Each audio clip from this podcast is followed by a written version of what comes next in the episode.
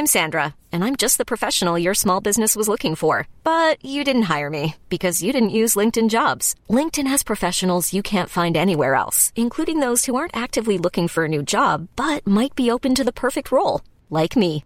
In a given month, over 70% of LinkedIn users don't visit other leading job sites. So if you're not looking on LinkedIn, you'll miss out on great candidates like Sandra. Start hiring professionals like a professional. Post your free job on linkedin.com/achieve today. Hans Petter og Co. presenteres av TrippelTex, det skybaserte økonomisystemet som gir store og små virksomheter full oversikt over økonomien. Prøv TrippelTex gratis du også, i 14 dager, ved å gå inn på trippeltex.no.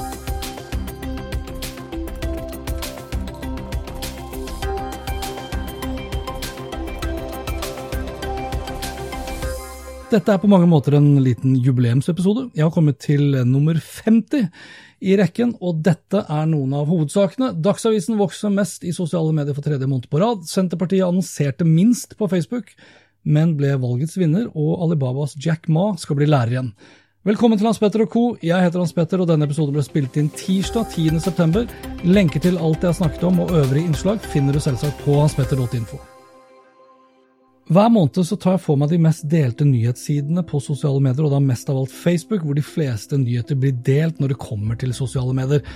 Og jeg vet, vi deler også nyheter på LinkedIn og Twitter, men volumet der er så marginalt sammenligna med Facebook at det er ikke verdt tiden det tar. For tredje måned på rad så er det Dagsavisen som vokser mest når det kommer til deling av nyheter på Facebook. TV 2 er på pallplass for første gang siden april, og det med null vekst år over år, skal vi tro da Storyboard som står bak innsikten. Antall delinger av nyheter via Facebook vokste år over år med 14 Ikke overraskende vokste antall delinger av nyheter via Facebook fra juli til august også, men ikke så mye som man kanskje skulle ha trodd med tanke på at sommerferien er over, og august var på mange måter også starten på slutten av årets kommunevalg.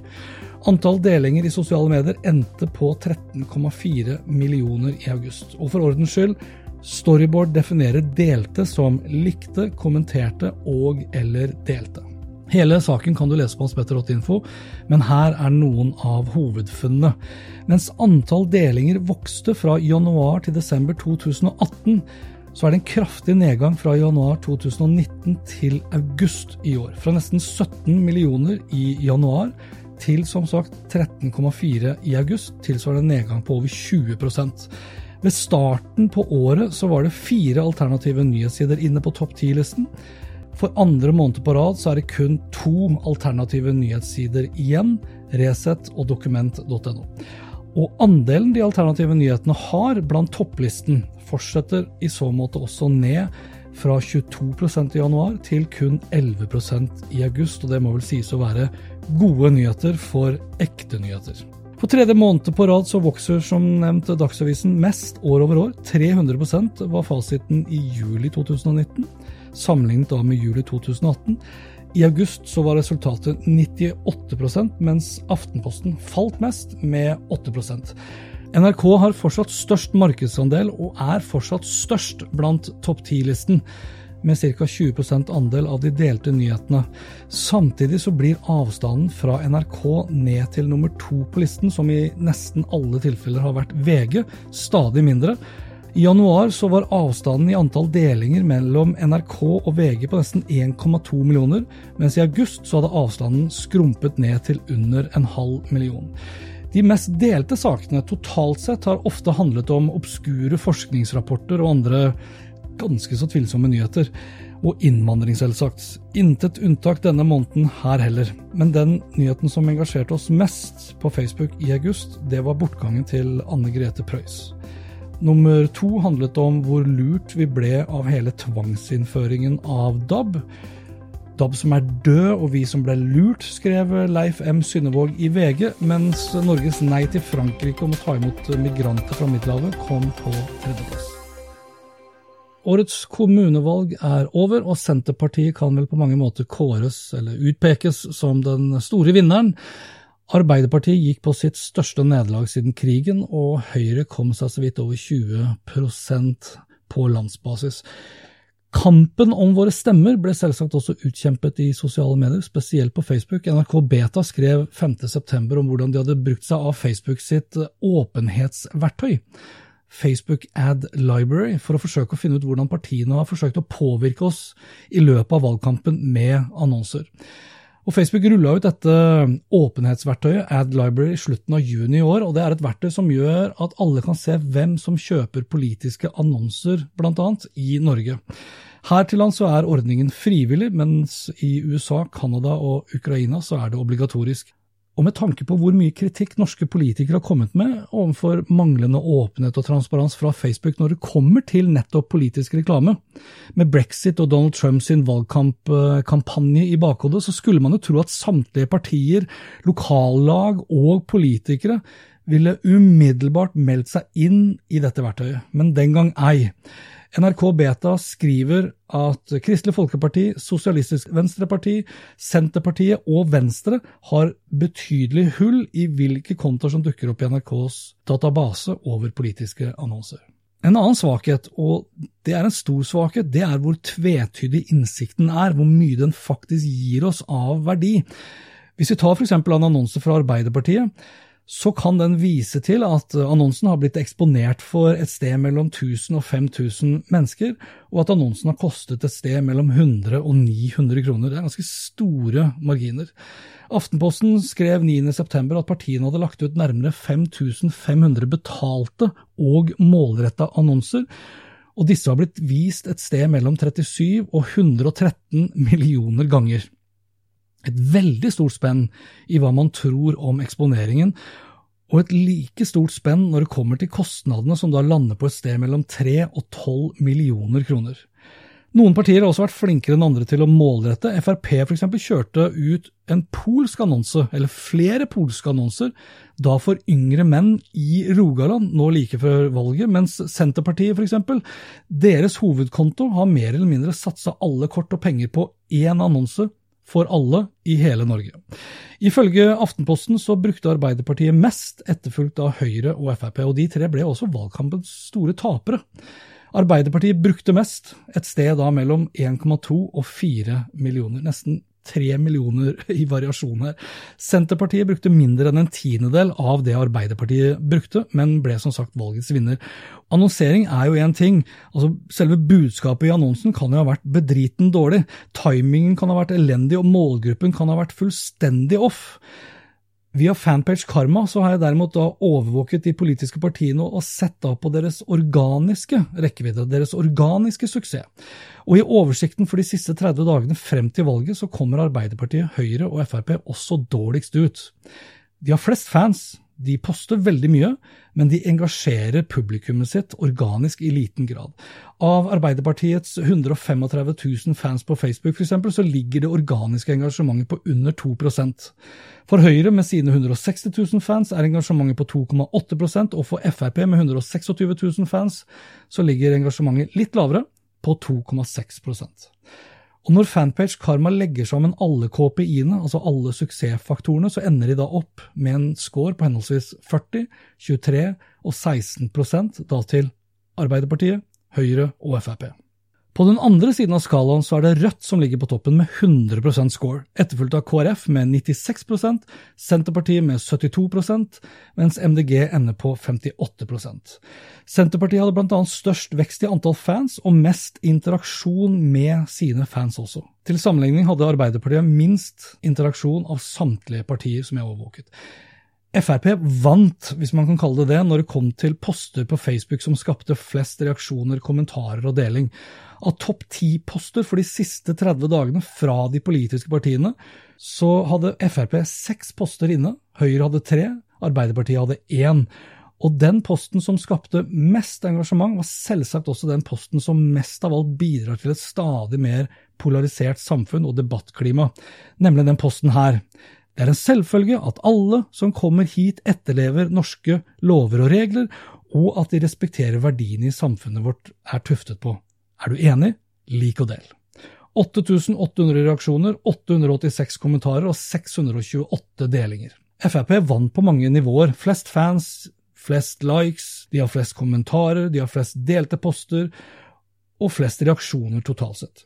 Og Facebook sine algoritmer elsker jo innhold som engasjerer i begge retninger. Der ligger også hele lik og del-strategien, som Sylvi Listhaug perfeksjonerte helt frem til at hun ble tvunget til å gå av som justisminister. Sent mandag 9.9 så uttalte Jonas Gahr Støre fra scenen under Arbeiderpartiets valgvake temmelig nøyaktig det samme han sa for to år siden, da Arbeiderpartiet ble den store taperen i stortingsvalget, at nå skal de sette seg ned og analysere valgkampen. Da bør de bl.a. gå skikkelig gjennom hele sosiale mediestrategien. Det gjelder egentlig alle partiene, hvis jeg skal være helt ærlig. For det første bør samtlige partier, lokallag og politikere som velger å bruke skattebetalernes penger på Facebook-annonsering, som de samtidig er så kritiske til, påse at de opptrer åpent og transparent, som de beskylder Facebook for å ikke være, slik at vi får skikkelig innsyn i hva det er de bruker penger på, og mot hvem. I tillegg så bør Facebook klare å bli mer spesifikke når det kommer til selve innsikten. Rekkevidden er så langt unna en feilmargin at det ikke får egentlig så veldig mye mening. I tillegg bør Facebook også I'm Sandra, and I'm just the professional your small business was looking for. But you didn't hire me because you didn't use LinkedIn jobs. LinkedIn has professionals you can't find anywhere else, including those who aren't actively looking for a new job but might be open to the perfect role, like me. In a given month, over 70% of LinkedIn users don't visit other leading job sites. So if you're not looking on LinkedIn, you'll miss out on great candidates like Sandra. Start hiring professionals like a professional. Post your free job on linkedin.com/achieve today. Why don't more infant formula companies use organic, grass fed whole milk instead of skim? Why don't more infant formula companies use the latest breast milk science? Why don't more infant formula companies run their own clinical trials? Why don't more infant formula companies use more of the proteins found in breast milk? Why don't more infant formula companies have their own factories instead of outsourcing their manufacturing? We wondered the same thing. So we made ByHeart, a better formula for formula. Learn more at byheart.com. kunne legge til langt flere datapunkter. De er utrolig vage hva gjelder rekkevidde og kostnad, men er ganske spesifikke når det kommer til bosted, alder og kjønn. Og foruten Senterpartiet, som ble den største vinneren, med nesten det minste annonsebudsjettet, så må det vel sies at Facebook er vel antakeligvis den som kan glise bredest. Av de millionene som politikerne spyttet inn for å annonsere på Facebook, så er det vel ikke en eneste krone Facebook trenger å skatte tilbake. Fikk du med deg Jack Ma og Elon Musk-innslaget mitt i episode 48? Eller kanskje enda bedre, fikk du med deg YouTube-videoen jeg la ut lenken til, hvor jeg hadde klippene fra? Hvis ikke så bør du se det. Det her er et must-see.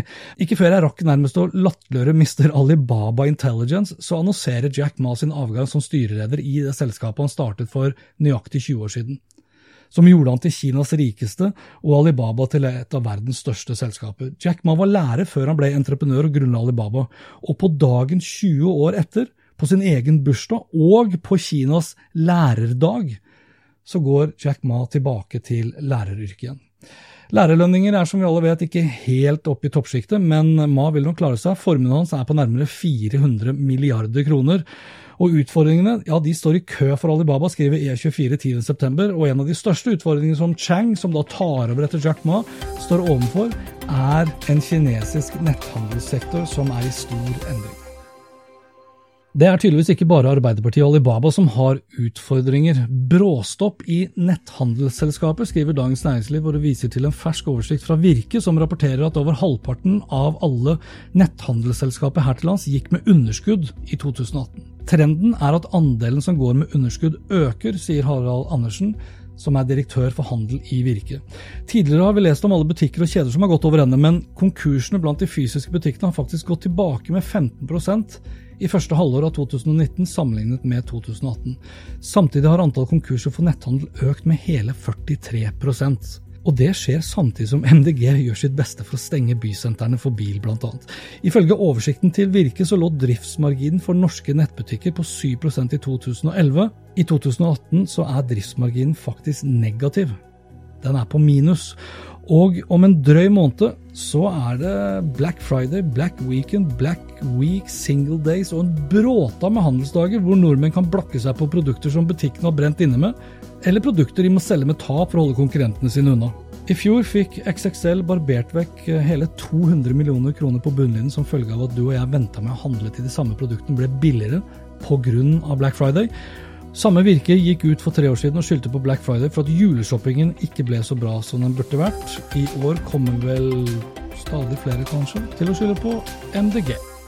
Jeg runder av denne episoden med noen kortere oppdateringer, og jeg begynner med Forbes, som har kåra Jeff Bezos og Elon Musk til Amerikas mest innovative ledere i 2019, og de er da på henholdsvis eh, delt førsteplass, etterfulgt av Mark Zuckerberg, Mark Benioff fra Salesforce, Reed Hastings fra Netflix, Sataya Nadella, han er fra Microsoft, det visste du helt sikkert, og eh, Shantanu Narayen, han er toppsjefen i Adobe, Tim Cook, uten videre beskrivelse, og Arne Sørensen, eller Arne Sorensen, som da er toppsjefen i Marriott, og på tiendeplass Sergej Brin fra Google. Og Hvis du husker på den listen her nå med ti personer, så er det jo egentlig bare Musk med Tesla og Sørensen med Marriott som ikke driver med programvare. Resten kommer fra softwarebransjen. Er det noen som husker 'Software is eating the world'? Forbrukertilsynet har akkurat lagt frem en veileder om reklame i podkast denne gangen. Jeg snakket jo nylig med Forbrukertilsynets leder Elisabeth Lier Haugseth om bl.a. reklame i nettopp podkast. Kort fortalt så skal du som hører på en podkast bli tydelig informert om at det du er i ferd med å høre på, er reklame. Man må altså opplyse om at reklame kommer før reklamens påbegynnelse, som det heter. Og det må også da fremgå hvem det er du reklamerer for. Men som jeg også var inne på i samtalen med Elisabeth fra Forbrukertilsynet, så sier veiledningen ingenting om at en episode, en podkastepisode som inneholder reklame, som er tydelig merket i selve podkasten, trenger å bli merket med reklame eller annonse når den blir delt i f.eks. sosiale medier. Så fremst du da ikke nevner annonsøren i teksten i sosiale medier eller på den aktuelle bloggposten eller artikkelen. Veilederen er derimot veldig tydelig når det kommer til barn og unge, og voksne også, på en måte.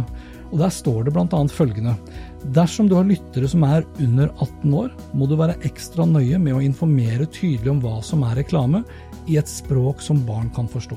Det er også forbudt å direkte oppfordre eller oppmuntre barn til å kjøpe noe, eller til å overtale foreldre eller andre voksne til å kjøpe et produkt. Eksempel på direkte kjøps- eller maseoppfordringer, som det står, kan være typen av 'kom og kjøp' eller 'be mammaen din om å hente varen i nærmeste butikk' osv. Videre så er oppfordringer som f.eks. 'neste gang du kjøper' eller 'gå inn på komplett.no og bruk rabattkode XYZ'. Det kan også være ulovlig. Statistikk for 2018 som kommunikasjonsmyndighetene i Norden og Baltikum har lagt frem, viser at Norge er på sisteplass i databruk på mobilen. Veksten i databruk er også rekordlav i Norge sammenligna med våre naboland i Norden og Baltikum. Datatrafikken i mobilnettene vokste med kun 23% fra 2017 til 2018, mens den vokste med nesten 60% i Litauen. Og det er kun Latvia som vokser mindre enn oss nordmenn. I 2014 så lå de fleste av landene forholdsvis likt i datatrafikk per innbygger. Snittet i Norge var på 1 gigabyte per innbygger per måned, og den hadde vokst til 4,3 gigabyte i 2018. I Finland derimot så har snittet vokst til 30,7 gigabyte per innbygger per måned. Største kontrasten er til Finland, der mobiloperatører tilbyr fri data, men skiller på hastighet, svarer konstituert kommunikasjonsdirektør i Telenor, Anders Krokan, til Aftenposten, som har skrevet den saken. her, og Da glemmer han for øvrig å nevne at det har kommet slike abonnement i Norge også, bare ikke fra Telenor. Ice har f.eks. et tilbud de kaller for datafrihet. Alle kunder hos Ice som har et 6 GB abonnement eller mer, kan få 1000 GB ekstra. Og det må jo sies å være forholdsvis ubegrensa. Og det får du da til 99 kroner per måned. Det er selvsagt en liten hake her, fordi du får begrensa hastighet. Men eh, med inntil 10 megabit per sekund i hastighet, så skulle det holde, tror jeg, til å både surfe, strømme og jobbe uten at du nevneverdig vil irritere deg over hastigheten. Så fremst du da ikke bruker mobilen som bredbåndsrute for å strømme 4K-video fra Netflix på 75-tommeren fra Apple TV på hytta f.eks. For Fordi skal du strømme 4K, så trenger du faktisk da minst 25 megabit per sekund i hastighet, men det rekker for å strømme i full HD. Da er det faktisk nok med 5 megabit per sekund. I Aftenposten-saken så spør avisen sine lesere om hvorfor vi bruker minst data. Ikke overraskende så svarer da selvsagt de aller fleste at det skyldes små og dyre datapakker. Kun 1,2% svarer at det er fordi de velger å bruke mobilen mindre. Jeg bør for ordens skyld legge til at jeg har et Telenor-abonnement selv, og har svidd av i snitt 72 gig per måned på mine to smarttelefoner til sammen. Da skal det nevnes at jeg ikke bare er en storforbruker av data selv, men at telefonene mine blir flittig brukt som mobil bredbåndsruter når vi er på ferie. Under årets sommerferie i Hellas, som da varte i fire uker, så klarte vi å presse nærmere 200 gig med data gjennom mobilen min, og det kosta noen tusenlapper. Men tenk hvor mye det hadde kosta for noen år siden, før roamingen i EU forsvant. Som en fun fact, i 2002, for 17 år siden altså, så kosta det 25 kroner per megabyte hvis du brukte mobilen din i Hellas. Nå skal det også nevnes her da, at i 2002 så ville det vært bortimot umulig å svi av 200 gig på fire uker. Til det så var hastigheten for lav, og tjenestene som kunne drive den dataen, var altfor få. Men la oss si at jeg hadde klart det, da. Da hadde prisen faktisk endt på over 5 millioner kroner. I stedet så ble regningen fra Telenor på litt under 2000 kroner. Men hadde jeg hatt et mobilabonnement fra Ice med 6 gig per måned pluss 1000 gig med datafrihet, så hadde regningen kun vært på fattige 398 kroner, eller 80% billigere enn Telenor. Begrensningen på 10 megabit per sekund hadde aldri vært et issue i Hellas heller. 4G i Hellas er ikke som 4G i Norge. Mens snittet her til lands ligger på tett oppimot 100 megabit per sekund, så lå snittet, i hvert fall det snittet jeg opplevde, i Hellas på et sted mellom 1 og 5 megabit per sekund. Og mens vi er inne på mobilen, så tenker du kanskje hva med Apple-lanseringen, skal du ikke snakke om det, Hans Petter? Vel, svaret er nei. Eirik Normann Hansen og jeg vil ta for oss alt som Tim og co. presenterte og lanserte i episode 51 i vår felles oppgradert-episode. Og den får du jo selvsagt da rett inn i øret ditt hvis du abonnerer på podden. Og det var det for denne gang. Likte du det du hørte og vil forsikre deg om at du får med deg de neste episodene, da kan du bl.a. abonnere på Hans Petter Co. på Apple Podcaster. Ellers er podkasten også tilgjengelig på Spotify, Acast, Google Podcast, Overcast og TuneIn Radio. Inntil neste gang, vær nysgjerrig, for det er den beste måten å møte vår digitale fremtid på. Hans Petter Co. presenteres av TrippelTex, det skybaserte økonomisystemet som gir store og små virksomheter full oversikt over økonomien. Prøv TrippelTex gratis du også, i 14 dager, ved å gå inn på trippeltex.no. Planning for your next trip? Elevate your travel style with Quince. Quince has all the jet-setting essentials you'll want for your next getaway, like European linen, premium luggage options, buttery soft Italian leather bags, and so much more. And it's all priced at 50 to 80% less than similar brands. Plus, Quince only works with factories that use safe and ethical manufacturing practices. Pack your bags with high-quality essentials you'll be wearing for vacations to come with Quince. Go to quince.com slash trip for free shipping and 365-day returns.